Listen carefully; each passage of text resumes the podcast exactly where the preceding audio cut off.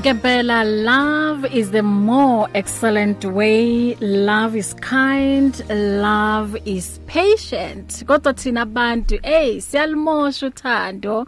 Eh uze umuntu athi hey lingilimazile uthando. But iBhayibheli ikhuluma ku opposites ukuthi love is kind love is patient. Yeah. Kanti why abantu benza so? Bayalimosha lolu thando yazi? I mean, Yeah. you, you know, uh, there is something that I that I always like to say, and, and I've I've said this. ukuthi If usindisiwe umntwana kaNkulunkulu, you cannot separate your Christianity to umshado wakho yeah because you find that umuntu usindisiwe and uthanda uNkulunkulu so dedicated so disciplined uyakhuleka uyayenzana yeah on the Christianity side mm. or enkolweni Yeah. mara umshado wakhe is a is a different personality yakhe yeah. So this goes to show you know you know you know the bible says in uh, first corinthians is it chapter 13 uh, from 4 to 7 right love is kind love yeah. Is and one of the preaching that i did was close with that to say mm. you need to take that verse and actually put it and say wena muntu wami was i kind to you today? Yeah. Was i fair to you today? Yeah. Was I ng- ng- ng- ngidlela umona na? Like you hold yourself accountable and you ask Yeah. those questions to your partner. Mm. because that's how you will grow yeah and it said eh, ngendlela usho ngakhona ukuthi you know love is supposed to be beautiful but unfortunately mm. it's like ukungena e- e- emshadweni nawe as umuntu wesifazana or umuntu umuntu e- umuntu wesilisa you know it's like i lose myself mm. and if mina nawe sizozwana you Yeah. need to help me find uh, you have to help me retain my identity mm-hmm. and help me to grow to be a better person Amen. not to be like you yeah. Because angithi abanye ilento ukuthi no no no I'm the man I'm in charge. Yeah. You do what I tell you sizoba right. Yeah. or umama nathi I am the neck whatever do what I tell you sizoba right. I'm the house manager. I'm the I'm the house manager. So it's important yeah. that in good thriving love mm. you must help each other's identity be intact. Yeah. Ungathola ukuthi umuntu se ulahlekile akasazi nokuthi ubani. And that's why you get people who say uma sebacabena umuntu athi kanti why did you do it? Athi angazi ukuthi bengenwe yini. Yeah. Because I've lost myself. Since ngahlala nawe I've lost myself. I actually don't know who I am anymore. Eish. and you cannot be proud of that as a partner. Yeah, Yes. yeah, yeah, mm-hmm. yeah. So partners nizwile.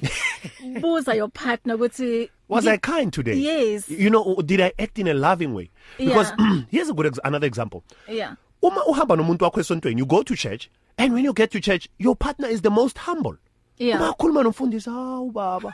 Makhuluma nabanye abazalwane you see your partner being so loving, so kind, so patient with other brethren but yourself. Mm. Wena ekhaya yazi uyakuthatha uyakulahla uzibuza ukuthi kanti kahle kahle mina lo muntu ngihlala naye ngathi angimazi. Yeah. And you are not even proud to call them your partner anymore because you have seen so many personalities you don't know which one to choose. Mm. You are spoiled for choice but uh, uh, you choose none because your partner is so many people to different people. Ugcina uconfused No, no, nawe. and you cannot Yeah. love confusion. Yes. You cannot love uh, uh, uh, uh, inconsistency. Uthi namhlanje my partner is happy, tomorrow is upset. Eh, Yazi ut- uthola manje sena uhlala ugcoka ibullet i bulletproof vest awazi ukuthi So uyodubulwa hamba nini. phezulu kwama eggshells. Uhamba phezulu kwama eggshells because your partner is not consistent in their character. Yeah. They you actually don't know who the, and the way i- i- it's so terrible you actually feel bad for feeling the way you do. Yeah. But remember you can love consistency. Mm-hmm. You love uma umuntu umbona ukuthi lo muntu umuntu oso and they are consistent in their behavior. Yeah. It's easy for you to love that person. But Yeah. you cannot love a rock. It's impossible. You Sure. cannot uhamba uthanda amahlathi la, hamba uhaga im- imithi because you're trying to find love. You can't do that. you see. yeah man. Uyazi um ku- kuna someone besikhuluma nga something ne. Yeah. So this guy uthi kimi uthi ay nina ladies ay ay ay ay ay ni- complicated man. Yeah. Ngithi why usho njalo athi ufike namhlanje ne uthola ukuthi uya cleaner umama or, or maybe uyamopa. Yeah. And then bese uyangena ngithi uyanyathela lapha korobha khona. Right. Bese athi awuboni ukuthi ngiyakorobha awuboni ukuthi kumanzi lana. Yeah. Why ungakhumula icathulo ke if ufuna ukungena Or endlini? ume ngicede. yeah or ume ne Yeah. yes okay uyamlalela you do that uyayikhumula icathulo and then kusasa uyamthola futhi uyacleana Yeah. bese uyama. Yeah. angithi ufuna ukuthi aqede. Bese athi kuwathi umeleni kanti lapho wongangena endlini.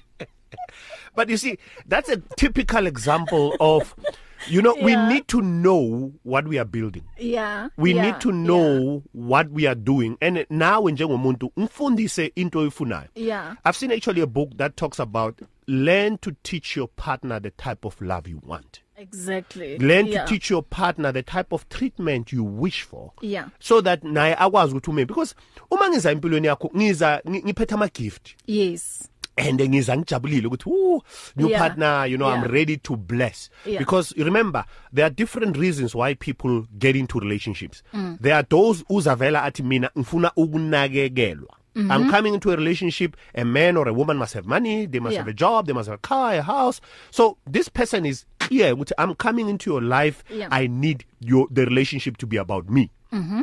you take care of me we're happy mm -hmm. but there is also a person who comes and says I go into a relationship because I am ready to give love. Yeah. I go into a relationship because I know I've cleaned my house. I'm Yeah. ready to welcome a visitor. And remember, a partner is a permanent visitor. Mm. And that's why most of us, when we have a visitor, you have a temporary visitor, you are twice as nice because you know that that visitor will only be in your life for uh, two hours. You know, you clean the house, you cook, and you do that, and your visitor is like, wow, oh, kanti unakekelana so. Yeah. And then your partner is sitting there is like, hey, if you knew.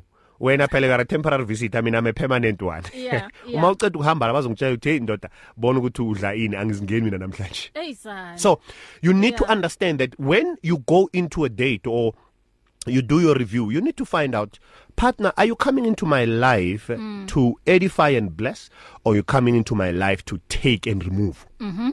that's the difference So manje uh, siza ku ku framework Yeah, angithi yes. relationship framework ukuthi Yeah. yes um nazi izinto ezi important engifuna ukuthi mina nawe sihlale phansi and then sikhulume. Yes. Um last week ke ngiye ngathi asikhulumeni le ye finance ngoba uma ungabuka most yabantu um uma kuthiwa kwenzakalani? Why i relationship yenu niyadonsa donsana Yes. thola ukuthi indaba le yemali. Yemali yeah. Yes and then iba inkinga because labantu abayi2 azange bayixoxe kuqala Yes. indaba yemali ukuthi okay when it comes to my finances mina nawe as ama partners mina nawe njengoba sesingena emshadweni kumele sisebenze kanje Yes. Yeah. So that's a very, very important one um, Yeah. to a lot of people. But first off, I just wanted to, if you hear uh, only this uh, male voice, uh, my wife is caught up in uh, another hey assignment. azange sabingelelana Sivele sangena endabeni. sangena endabeni Yeah, yes. so my wife uh, uh, Faith uh, she's uh, caught up in another assignment and unfortunately ucede after isikhathi sokungena la. Okay. So I thought, you know, and that's the beauty of two people ababambisanayo. Yeah. Ukuthi if one of us is down the other Yeah. one is up. Amen. You know, when one of us is not available the other Yeah. is available. Mm-hmm. So this is a, a a good example. Ukuthi naye angahlali uthi yo I wanted to be in studio but Yeah. then she's still caught up. So she did send her apologies and uh, uh I thought then I'll come here. So I hopefully I don't bore you because ngiyazi ukuthi bentanda eh umbono wakhe naye. yeah, so yeah Yeah, no so- but next week uzoba khona yeah, no no I, I, I pray she is here uh, because yeah, no she's on a project and uh, the time is a bit is a bit all over the place. Yeah. Uh, and you know they, they they can't leave the project until you know they are they they, they have like a daily target they need to do Yeah. and then once the target is done until the target is completed they can't leave. Yeah. Uh, but uh, Okay. yeah, so but I, I you know she really really wanted to be here. Even even before he's a studio she was she was uh, WhatsApping with hey are you in studio? Please tell them I'm I'm no I'm so you know she's feeling bad that she couldn't be here. So Yeah. her apologies uh, she's No. sending her apologies. All right. No so mhm going going into the issue of finance and and you know I have to say um, uh, I, I really love the way you engage. Yeah. and I want us to go into a simulation you and I. Mm-hmm. I'm a I'm a potential guy. Yeah. And you are the the the lady and you know you kind of like ungibhekile uthi mhlambe mina nawe we can do something. Yeah. and I want you to ask me your honest uh, views on money. Mm-hmm. and then mina nami ngizophendula from my position. Mm. so that we simulate because I think it's important for people to understand. I mean the issue of finances on its own it's a very very sensitive one. Yeah. I mean, you know, uh, uh, uh, we had to deal with a case where a sister asked ukuthi until brother I see your payslip angeke mina ngi- ngi- ngithandane nawe? Because ngihamba nesithembisa amanga la. So I want to see your payslip because remember the the the challenge that we have today is that last weekend I mentioned this ukuthi people go into a relationship based on what they need now. yeah So if now I'm I feel I'm lonely, I need a man or I need a woman. Mm. I completely disregard all the things on the framework and just focus on the fact ukuthi I just want to go out and sit in a nice restaurant and eat. Yeah. And that is good, but also it can be dangerous because you know once that need, that need is met, mm. then what?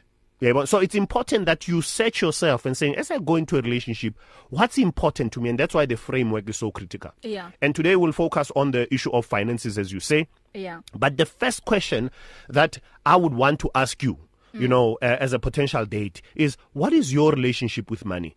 When was the first time you you you actually engaged with money when you grew up? Mhm. That's the first question I want to ask because if I don't know what your relationship with money is, Mm. then uthola ukuthi mina I assume ukuthi uyayizwisisa imali and kanti I don't even know. So the the second the, the third question is so remember the first question is what is your relationship with money? Yeah. Number 2 is when when you grew up when was the first time you interacted with money? Mhm. And what is the first thing you did when you got the money? Yeah. Did you want to go shopping or did you want to save it? Yeah. And the, the the the next question is then are you a spender or are you a saver? Mhm. And what is your level of frugality? And frugality is let's say nginike 50 rand manje. Mm. Would you want to go and spend the entire 50 or would you want to go spend 25% of the 50 and then the rest we beg? Mm.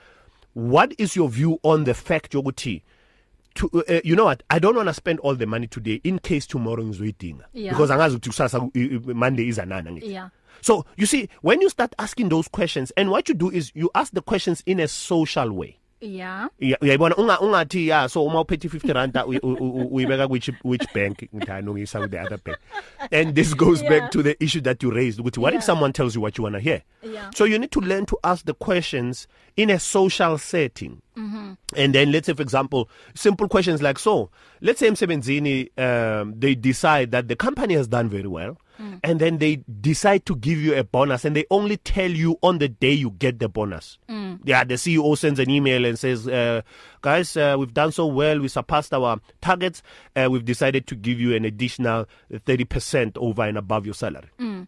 what is the first thing you do usoma immediately ufake ilifi uyekhaya Yeah. uyospend imali yakho or you continue working leso sikhathi you find that extra 10000 as you came into the office Mm. what is the first thing that comes to mind Mhm. and then those are the kind of questions that you can ask La ila upick up khona ukuthi ukuthi okay. umuntu um- so remember Yeah. try and use the finances socially Mhm. yeah because if you start saying so you know uh, do you have a car Mm. and then ithi yes nginayo or if anginayo ngizothi yeah no no no i'm planning to buy it Mm. And then you, you chances are you're not going to ask ukuthi when Yeah. eh uyothenga imoto enjani Yeah. eh what about installment Uh-huh. eh insurance yabona then what do you do you keep quiet Mm. so that's why you must learn to ask kind of like open ended questions so that umuntu akwazi ukuvuleka naye Mhm. That's very important. So if you go on a date, it's important to ask the questions. I mean, obviously, you know, the, the categorization of this because umuntu uzothi, hey, mina, I've been married to umuntu nangu agaspendi, agaspendi. Mm. Yazi. And I mean, I, I saw a program on TV where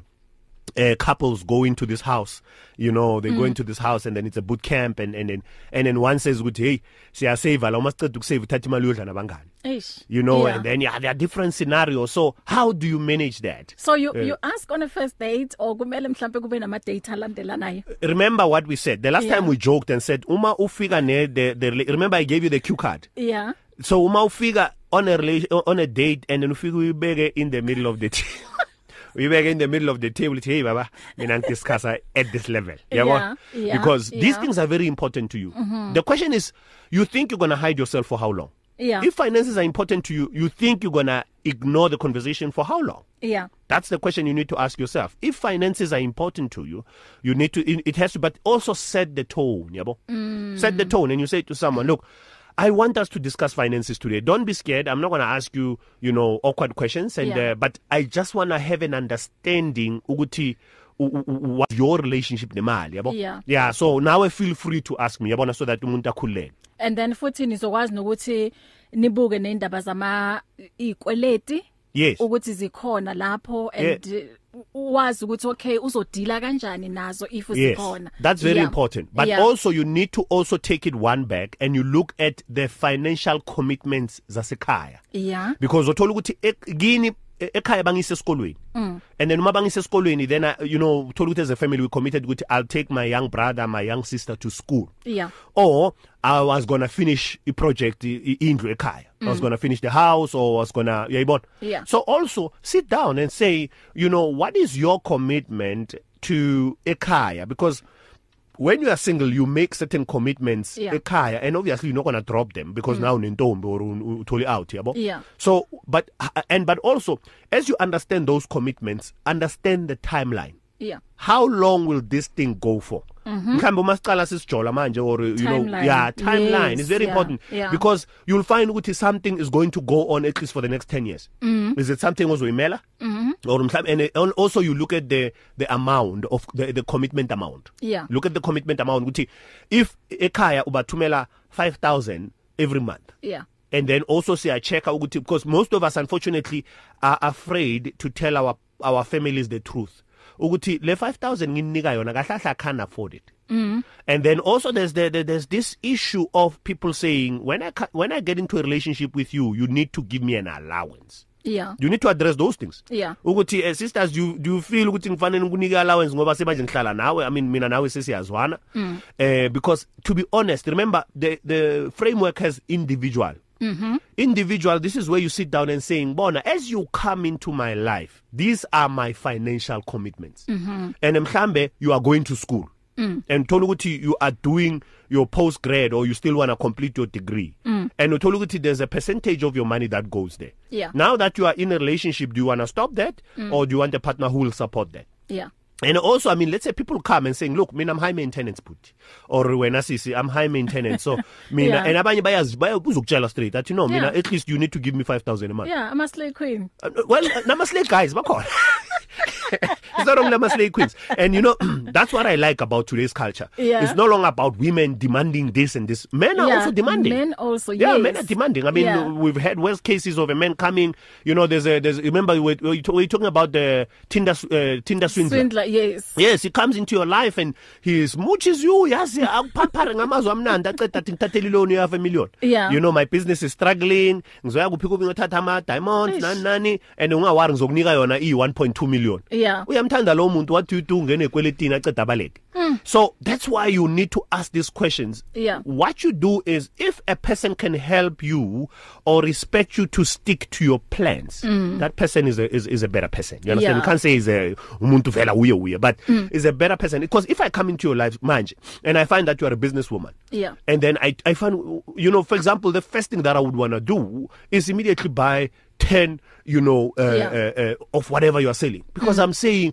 ngifuna uNkulunkulu akubusise Yeah. You see what I'm saying? So what you do as an individual, you sit down and saying, currently, where are my finances? Mm. As my partner, as a new partner comes in, I think they need to immediately know. Yeah. Ukuthi mina, if 5,000 year kaya, 5000 covers my studies mm. and then if ufuna ukuncebeleka siphuma ama out wama holiday nani nani azi nje ukuthi mina I can only save 1000 which means we can only go on holiday once a year Yeah. why not why don't you be honest with that Yeah. it's very important so that you don't find yourself sozichamile manje sekukunzima la manje hey udla udla ngenceba akusekho mnandi because now you just got into a relationship you don't want to do that when you, uh, which which for me is very very important yebo Yeah. Yes. I think i honesty nokuthi ube transparent Yes. ingasiza abantu abaningi because um as a man or as a woman Yeah. u- yilapho ke uzokwazi ukuthatha i decision ukuthi ngiyangena la yep or a a angeke ngiyimele ethi ngikubambe lapha Yeah. what you are saying is very important and i just want to bring it to you need to take ownership of that Yeah. ungayiyekela omunye umuntu aha ukuthi uyangena la it depends on the kind of questions you are asking yes When you need to be honest, and I love what Terence Brink is saying here. Mm. When he says, when it comes to finances in a marriage, there must be an open communication about mm-hmm. your financial, si- your financial situation. ibeke etafuleni. Yeah. Because if umuntu umuntu uzothi kuwe, no, no, no, I don't mind. Mm. It makes life easier for you. Mm. Yabona? So ibeke etafuleni uthi no, mina I'm studying. You know, I'm taking care of um, mhlambe nginabantwana ngaphandle I'm taking care of two kids base private school Yes. and then this is my situation and again going back to the timeline ukuthi look this situation is going to be here for the next 2 years mm. if you are okay mm. with that mm. let's talk yeah otherwise umuntu uzothi i know i'm fine and then abuya athi hayi mina i know man wawunga ungakhipha umntwana e1 private school e public so Yeah. that ngizothola le mali Uh, then we have a problem lapha Yeah, but yeah. it's important to declare because the beautiful thing about declaring is that's your point of departure. If umuntu uzobuya afuna ukuchange lokho uzothi ke but i told you. Yeah. You see what i'm saying? Yes. so take full accountability and put your cards on the table. And if someone has a problem then you have a leg to stand on to say but i told you in the beginning. Mm-hmm. i didn't hide this. Why are you acting surprised? Yeah. i told you. That's what the, that's the position you want to be in. Unlike umuntu abuye manje sofuna ukudlala athi yeah no but mina you didn't tell me. Bona manje you know my in in imoto yami imoshekile it needs 10000 and manje mina nginomuntu mara ngiyahlupheka. Uyabona then Yeah. manipulate ke lapha Yeah. there we have a problem.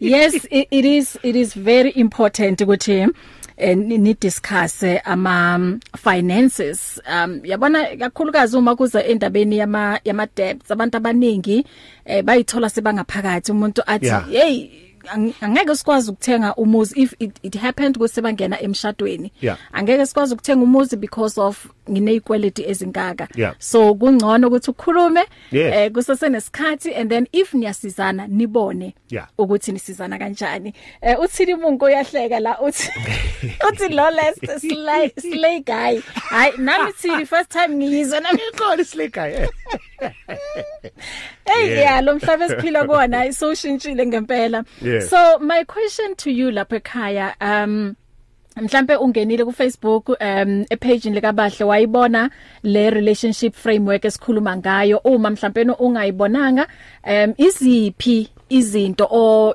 imapha ama um ama issues ocabanga ukuthi are very important kuwena um okumele wa discuss mhlambe nomuntu ofuna ukwakha ubudlelwane naye o umuntu obonayo ukuthi lo singakwazi ukuthi ihambisane indlela and then sigcine singene emshadweni. So iziphi Ah, siya- siyabanikeza nabithuba namhlanje ukuthi ba-add ngithi yes. ku relationship framework. Yep. ithi ngiphinde ngibabalale zona ukuthi esinazo la um kule framework esinayo o le uMr Mabasa no no Sis Faith abasenzele yona eh ku center uwe. It's you. It's you. Yep.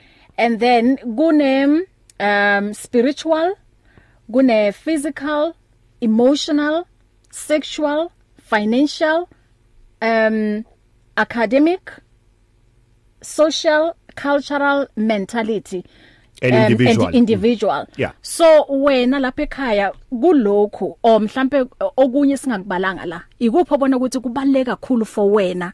And then ngabuza futhi nombuzo ukuthi okay nihlele etafuleni you are discussing and then bese lo athi hayi yazi mina mm, mm, yabona uma kuza kule yokuthi em ngiyeke ukusupport abantu basekhaya yeah o wena uza ngomthetho manje ukuthi okay nginabantwana abayi7 mm. and then bengibanikeza u2000 so wena uthi eh iningi Yeah. kumele ngibanikeze 1000 rand mm. and then anivumelani Yeah. so um do you think ukuthi ngokungavumelani kwenu uzothi ay mina ngiyaxolisa sis or ngiyaxolisa ngiyaxolisa bhuti Yeah. angisangeni la or uzocompromise Yeah. because you love this person mm. and you want to build with this person mm. so lana kuyabonisa u- le le relationship framework iyakubonisa ukuthi okay iziphi izinto ongakwazi ukuthi mhlambe noma nanoma ningavumelani kodwa maybe ungaba ne tolerance nyana encane uyabona yeah uh, uh, Bona, Yes. I don't want people to get to tolerance Yeah. because the problem with tolerance is you you, you get to a point sewucasukile manje say and then manje say uwisane itulo manje namatafula uphula Yeah. uphula yeah so the relationship framework will also help you to avoid frustrating moments Okay. because whatever you declared that's your standpoint Yeah. you have to say to someone but i told you this was important to me why are you changing it Yeah. then umuntu mbaba khona lapho you see so i like i like what you're saying because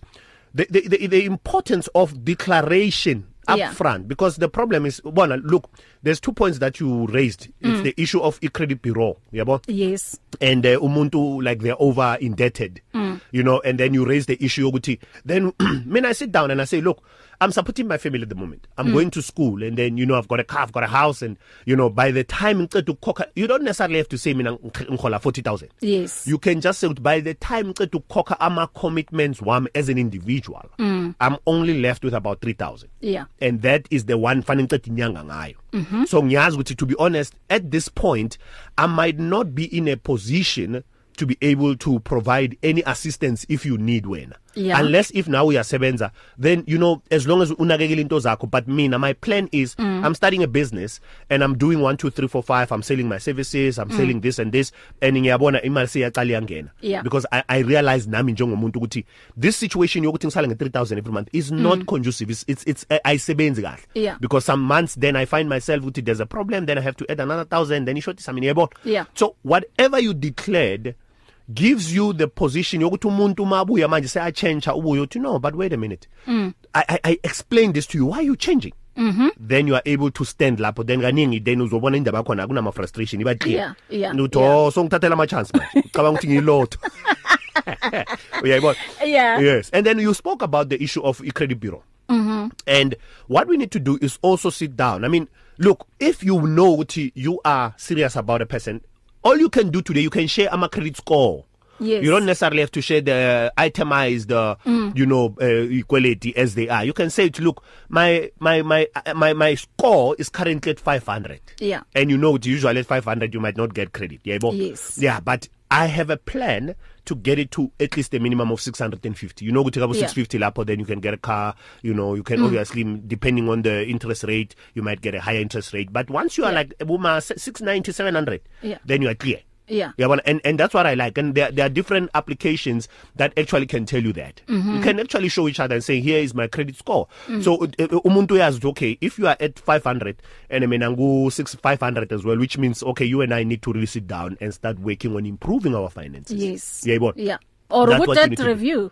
Yes. ngiyasaba kancane but uh, kunabantu ababelieve kuwo but all all, all we need to do is sit down and uyabona mina for example Yeah. mina nomama we keep a spreadsheet Yeah. a spreadsheet of every item esikhokhayo Yeah. so that uma if let's say because the the good thing about ukubeka a spreadsheet ukuthi i know ukuthi i need to work towards reducing certain monthly debts yabo Yeah. or monthly expenses mm -hmm. yeah then i say ukuthi, okay here i paid a lot let me ethi ngehlise nyana la yabo mm. things like babo airtime nabo data nani nani yabo hey lezi zinto zidla imali kakhulu Yeah. ethi ngehlise yabo things like that but it's important to have a structure remember i always say you cannot love where there's no structure mm -hmm. you cannot love where there's no foundation so you yes. talk about financial financial foundation mm -hmm. you have to have a departure point to say tina we launch, we launch from here as sihlangana our credit bureau is not great mm -hmm. which means for the next 2 years we need to fight with this okay but then what we do is we, we will eat out less Yeah. angeke usuku ufuna ukuimpress umuntu umuyise ma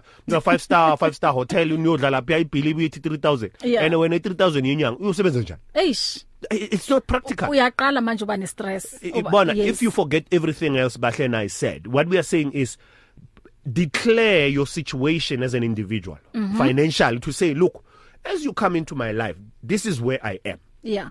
and for the next 2 years I might not take you to the most exotic restaurants mm -hmm. I might not take you on holiday Yeah. because I'm doing 1 2 3 mm. but in 2 years time izoyehla kancane at least 2 years from now 5000 izobuye ekhaya mm-hmm. and then from there we can start looking and umuntu naye uma ukuthanda uzothi don't worry nami ngiyasebenza I'll contribute you Yeah. know maybe I'll take us out maybe we'll, we'll, we'll do like a local hotel or Yeah. we'll go to Durban whatever because we uyabona ukuthi there's potential but uh -huh. what you don't realize people appreciate the truth even if mhlambe at the time it didn't sit well that's why ubona umuntu umtshela iqiniso athi hey i can't stand this and then uh, mm. 2 days later uyafona the truth will set you free Yes, it's Yes. true. Uh, Yeah, iqiniso liyafuneka, iqiniso liyafuneka and I think um i- foundation e right Yeah. ukuthi nakhe i- i relationship yenu on the truth on the truth. like be honest Yes. yeah like be honest you and lose then, nothing And then guys yekelani uk- ukubiza bosisi um ama gold digger. If umuntu Yeah. uza kuwe athi eh mfowethu Yeah. mina i i i- i girlfriend allowance or Yeah. whatever allowance ngiyayifuna. yes that's yes. her truth Iqiniso lakhe. iqiniso lakhe wena uphumaphi uzophikisa umuntu akutshela amaqiniso or mhlambe kufuna akujola ajole nawe 3 months after 3 months athi hey baba phela it's been 3 months i Yeah. probation period iphelile ngicela Yeah. ngicela 10000 Yeah. that's what you want right Yes. if somebody comes you call a slay queen gold digger or booty digger whatever mm. you need to understand people will always tell you the truth what you do with the truth is up to you It's up to you. and that's yes. why I'm saying you know my my concern uh, bahle uthi at the time umuntu akutshela amaqiniso athi mina look uh, my girlfriend or boyfriend allowance is 5000 mm. you don't think about what this person is saying when you are just happy with you finding a beautiful guy or a bu- I mean a handsome guy or a beautiful girl mm. at the time in your head that's all that matters mm. and then umuntu mazothi but you agreed on our first date awusakhumbuli because hey bekamuhle kakhulu Yeah. akuthi uzafake ne makeup or azakhathile lapha shaya cheese scope ashayina kamnandi Yeah. because when at the time loneliness is the one that told you to take this person mm-hmm. not the reality that they told you Yes. That's the difference. Yeah. Eh bazalwane ngicela ukuthi ni understand lento esikhulumayo asipromote mhlawumbe eh mijolo and and whatever njoba sikhuluma lento lena indaba ukuthi nje um u- u- umfundisi eh, earlier on obesinikeza imotivation Yeah. ukhulume indaba yokuthi uma singena kuma relationship asingeneni ngokuhlakanipha yes uthi singene uthi let us be wise singene sivulile amehlo. And then amehlo akho azovuleka kanjani? Ngokuthi the next person abe neqiniso kuwena. Ukuthi lo ubahle. Ubahle ulokhu nalokhu. Ubahle ufunike ku vacation eh 3 times in a year. Eh brother uzo Vacation. afford lokho. Yes. yes. Yeah. o brother athi hayi bahle mina hayi usisi ohamba ngama taxi hayi cha it's a no no for me. Yes. Angeke ngikwazi ukuthi ngiyo ngilo ngiyolandana nawe. Uzohlala uthi thumele please call please call rank.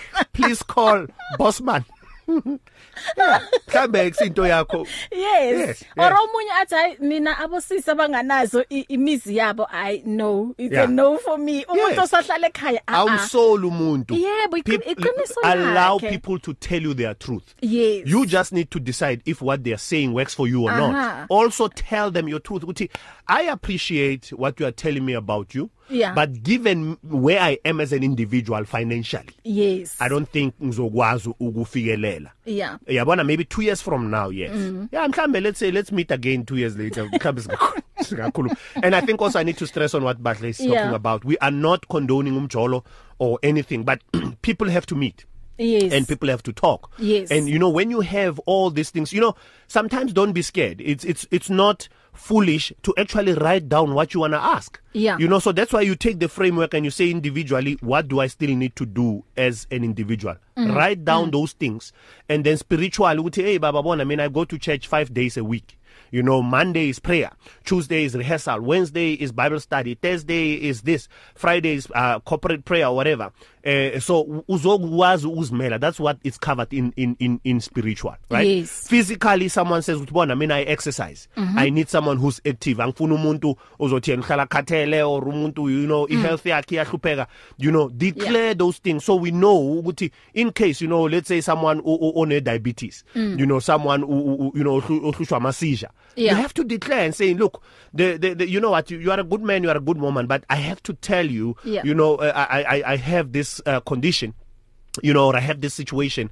and then let me show you what you do when this happens Yeah. so that umuntu azo azokwazi ukuba empowered Yes. unlike umuntu asuka gijima akushiye lapha 5 minutes athi bengiyobiza abomakhelwane and then something happens to you while they're gone hey awufuni lokho hey uyaza ngibona yo nesikhathi angisiboni Yeah. 1648 yeah sisesekule ndaba ye relationship framework ngino Mr Romeo Mabasa. Ithi ngithatha ikhefu kancane la uma une- unemibuzo um ungasithumela yona nge WhatsApp ungathumela i voice note unga SMS ku 37871 unga WhatsApp ku 0826572729 incingo nazo ngizozivula ngizoknikeza lo plus minus 8 minutes osele ukuthi ukhulume nathi 0123341322 eh 338699 Come and ask your questions, share your concerns, experiencing life on 657 AM. Download our app now and listen to us wherever you go. Available in the App Store and Play Store. If you need prayer, please send your request to prayer at radiopulpit.co.za or WhatsApp 067 429 7564 or go to Radio Pulpit website on www.radiopulpit.co.za. It's here. Radio Pulpit's new website is live. You can tune in at radiopulpit.co.za and enjoy crystal clear sound with just a click of a button or listen to our podcasts. Discover biblical truths in our daily devotionals and let our stories of hope inspire you. You can download our app on this new look, easy to use platform. Find your favorite program, get to know our presenters, and so much more at radiopulpit.co.za. Radio Pulpit, your daily companion. Become active. Active in Faith. 657 AM. 0123341322 unombuzo khuluma nathi 0123338699 Um earlier on bengizwa nje incingo zethu zingazwakali kahle. So mhlambe ungasebenzisa iWhatsApp ngoba iWhatsApp yona ngiyacabanga ukuthi iaudio yakhona izoba ngcono. Uh, unga WhatsAppa ivoice note yakho ku 0826572729 asizwe la ukuthi uthini ukhalimambo Ha asibingelele inkosazana sibingelele umfundisi sibingelele nabalale be Radio Pulpit umsakathi wethu indzaba letfokotisako manje ke la, la into lesiyibona kakhulu la iyo le yezimali lezi yokuthi insizwa ingabe namali. Eh okunye nje lokho ukuthi kungabe namali kubangwa isibindi ukuthi akanaso isibindi. Angisho imali yamamiliyoni ngisho imali nje yokuphila nonkosikazi wakho nomuntu wekula thina abazali basebenzisa unkosikazi sebenzisa umuntu.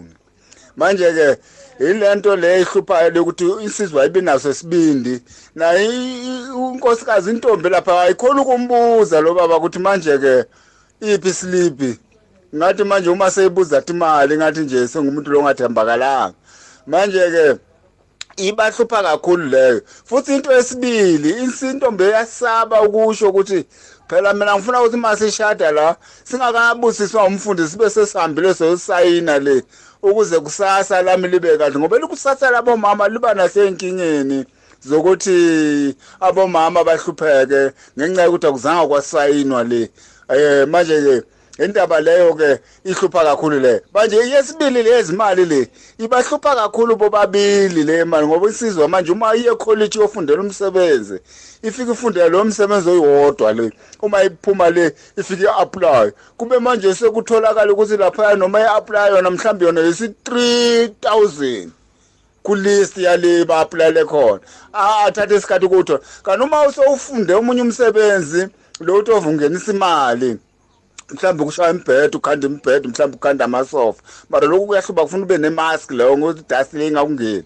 Manje ke iyona lento le ifuna ukuthi umuntu ke abe nesibinzi. Kanti uma bukhoseza Kalimambo ay siyakuzwa. Hey. Yeah. Okay uthini munkwe uthi yo i'm learning so much. Um i'll make an appointment in november with Budromeo and his wife for pre relationship uh coaching. Uthi i love this framework. These things are briefly discussed during premarital counseling. Yep. i think the right time is during the early stages of dating. Yes. um okay uphendula leyana. Yokuthi you are not promoting umjolo. You Yeah. are saving us from making bad decisions I like that, and choices. Yep. you are empowering us. We need to have um candid discussions Mm-hmm. uthi siyabonga Yeah, mm. Tidi, Tidi is very organized. I mean, she says, "I'll see you in November." It's like, wow, Yes. okay, I've never seen that before. I'm impressed, Tidi. very yeah nice. eh kusho ukuthi mhlambe ngoNovember yabona mhlambe uzobe selungisa yabona No, but but she's very organized, and I like Yeah. this. And and you know, Yeah. people must never feel bad for being disorganized. Yes. You know, you must never ever feel. You know, you you plan your life, Yeah. and you know at a certain time, I want to take this to the because this is the next level basically. Mm-hmm. For now, Mhlambe Utsidi just met U, U, brothers, Yeah. and then they are still trying to get to know each other, kind of like figure figure out Yeah. the foundation and the framework in which they need to set up the tone of their relationship. Yeah. and then you know uh, maybe both of them have agreed with. I think November, let's start, and then you know February 14, 14 February, go Yeah. Valentine, we get married. Yeah. Huh? there we go. yeah ubongani the author uthi yo akusu Romeo mahala lokuthi Yaqala uwongani. uthi uyamuzwa nje uma eh, ekhuluma ukuthi he went to the school of love uthi we are just appreciative yeah. of the gift upon his life kuyashisa studio Yeah. udokotela othando sendlini awufikile impela Thank you so much, man. really, really appreciate you, man. And you know, eh Yeah. ukhuthele nice yayibona imisebenzi yakhe. So keep pushing, my brother. bona bona uthini uyivala masinya kanjani indaba ka brother Oh. There's no brother. In November, I will be ready to get on even better. yeah Nice. Okay. Organized ula Yeah, but Utsini, Utsini will will really she wants to go into the school of love. Manje as Ubongani says, which means Utsini will be will be showering questions like she'll be shooting questions left right at Puti. Yeah. Have you heard about the Romeo's uh, Romeo and Faith uh, uh, re- relationship framework. Yeah. If you haven't, don't talk to me. yeah or uzoyithatha nje ayibeke etafuleni athi uyayazi lento Yeah, let's start right here. asithathe em asithathe umunye la elayinini eh sawubona dumelo semoyeni Sabona bahle ngibulisa nomthe mabaso. Yes, yebo sir. baba Le ndaba imnandi kepha angivumelani ne ne allowance ni. okay Ngeke sithi sisathandana la ufuna allowance. Ngizobeka nini inkomo ukuthi ngikulobo. Ngiyabonga uNkulunkulu wambusise to God be the glory. yeah you see ubeka umbono Amen. wakho nawe ukuthi bona and that's a that's a fair point look Yeah. mina putting ngifuna allowance wena uthi bheka my intentions ngawo ukukushada so Yes. uma ngikunike Yeah. allowance which means ngizodelaya ukwenza lento efanele Yebo. uyivale Yeah. kanjalo done yeah Yeah. Yeah. Thank you. My brother. okay. Thank you mfundisi. Yeah. And akungabuki ukuthi uvala le ndaba ye allowance and then egcineni bese umshado ungabi khona? No i mean look i think at the end of Yes. the day you know yazi uma sewuhlala nomuntu isikhashana Aha. you can see their sincerity and honesty. Yeah. The thing is i think it goes back to lento bewuyisho no with the previous speaker Yeah. or the previous guest ukuthi Yeah. open your eyes be wise ungaphandwa uthando manje usaba ngendlela umthanda ngakhona usaba nokumbuza igama. Like manje bazothumana umuntu wakho uthi hey umude yena u right but angisamkhumbuli mara ngiyamthanda. You can't do that. Yeah, so you yeah. need to ask the tough questions and i always say this and i can never say this enough. You need to ask the tough questions in the beginning because you have nothing to lose. Yes. Yep. Yes. Yo um eish isikhathi uyasibona kodwa ke ngiyajabula ukuthi sisasalele iviki el- el- elilodwa Siyayivala next week. next week Yeah, yes yeah, so yeah. mhlambe next week sizo mhlambe si sithathe nje a minute si si siwabuke nje wonke Yeah. um And then, lama uh, relationship framework esinawo la kule eh uyibizani lento le cards Yeah, the the the the, the flash card, you know, Yeah. you can yeah, so the, the you know it's, it's a card that you can carry with you. Yes. Yeah, so uma ngibona nje you must know I usually have them in the car. So hayi mina ngiphethe ebhegini bafethu ngiphethe ebhegini aninayo chance there you go. Yeah. Okay, um bakuthola kuphi oh mhlambe amazwi akho okugcina sivala? Yeah, I think uh, uh, you know what, I think just to recap or rehash, ukuthi if something is important to you, you can never leave it to chance. Yeah. if finances are important rather maybe spend more time talking about them so you understand because there's a lot of other especially sisters who have bad stories about brothers who come into your life siyathandana and lo bhuta kuyeke ikweletini you know actually stories ngapheli because you never address the issue of finances enough so you know and and look i mean we're out of time. Another thing i really wanted us to get to because uh, those who who are now married you know it's easy for someone to say okay i'm going to a relationship. I need to ask the right questions. But then someone is sitting in a relationship with someone who's really really messing up money mm. and this person is not good with money. At the end of the day intervention is required. You need to stamp your foot down and say if le mali iyahamba le then we need to either seek help Yeah. Because you cannot sit and watch your partner destroy your future in the name of love or in the name of you know their bad relationship with mm. money you mm. have to address it and it's a pity we never got into that because you know there was a lot we're trying to cover yeah. but we are back next week perhaps we cover that to say what happens to us who are stuck in relationships where money is a problem Eish. and then but they must send the questions as well so that we can answer them yebo Yeah, yeah. There we yeah, go. Yeah. Send the questions. I think um eish kodwa manje angithi inkinga ukuthi sonke ama presenters sisebenzisa this WhatsApp yeah no number. akuna hashtag mhlambe s- then you can search by hashtag Um yabo search interaction so i see you have search interaction so mhlambe people can say uh finances uh, or bahle underscore finances or bahle Yeah, finances yeah, yeah. and then then we can search by you know but but anyway is thing it- iyekele wena. Uzobona ukuthi we, but we need to, we need or we need or mhlambi email address? I don't know. Yes, like uh, yes, yeah. yes. If une uyakwazi ukuthumela ku-email address, thumela kubahle at radiopulpit.co.za. B A H L E radiopulpit.co.za. Eh ngiyabonga Khalimamba uthi uha- u- uhambe nawe eh uJehova eh agcine nomndeni wakho. Thank you so much. Thank you, Mr Joseph. Romeo until sihlangana futhi next week konje bakuthola kuphi? Uh, Wuma social media or Yeah. on Instagram is romeo.anyani. Uh, and my, my wife is uh, uh, Ma Zwane, which is uh, M A underscore Zwane on uh-huh. Instagram. And then uh, Faith Nsako Mabasa on uh, Facebook. I'm uh, Romeo Motivational Speaker Mabasa on uh, Facebook as well. And then Twitter is Maromza. And then Faith Mabasa on Twitter as well. Thank you. Thank you. So um siyaphuma uyeza u umfundisi uRayli Khodi uzohlala nawe njoba selishayile ihora lesihlanu mina nawe ke asihlangane ekseni ngo 4 am until half 5 komphatha latsani Faith, hope, and love. Experience victory in your life on 657 AM. It's difficult to face the overwhelming pressures of life alone. Sometimes we just need someone to talk to, someone to listen to us. And what better way to do that than through a quick and easy WhatsApp text? Whether you're having a hard time coping with school, family issues, being bullied, depression, or anxiety, speak to someone who cares today. Send a WhatsApp message to 064 530 6805 or 074 995 9085. Our I Am Youth Counseling team, Charles Dudoy and Danny Vambili, are ready to connect with you today. Reach your customers in the car, at the office, at home, or wherever they are, night or day. Through advertising with Radio Pulpit, you can reach a large, unique, and loyal audience in a most affordable way. With over 500,000 people on our various platforms, from Gauteng to the Cape, you simply cannot go wrong. So advertise today. Contact us on 012 334 1339 or for advertising packages that we offer, go to www.radiopulpit.co.za. Terms and conditions apply. You and 657 AM and life, a winning team on the road to eternity.